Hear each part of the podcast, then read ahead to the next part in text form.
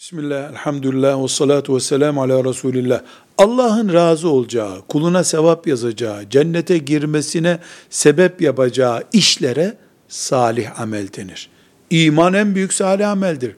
Namaz, hac, anneye babaya itaat, Allah yolunda cihat, Kur'an okumak, Allah için sevmek, Allah için buğz etmek, sadaka vermek, fakir fukaraya yemek yedirmek, Allah için infakta bulunmak, kendisine emanet edilen emanete sahip çıkmak, doğru konuşmak, müminler için yardımcı olmak, hepsi bunlar salih amellerdir. Elbette en başta, en başta iman var. Sonra namaz var. Nafileler arasında en başta zikir var. Kur'an okumak var. Salih ameller çoktur.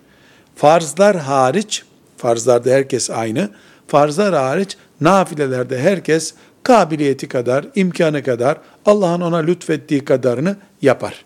Velhamdülillahi Rabbil Alemin.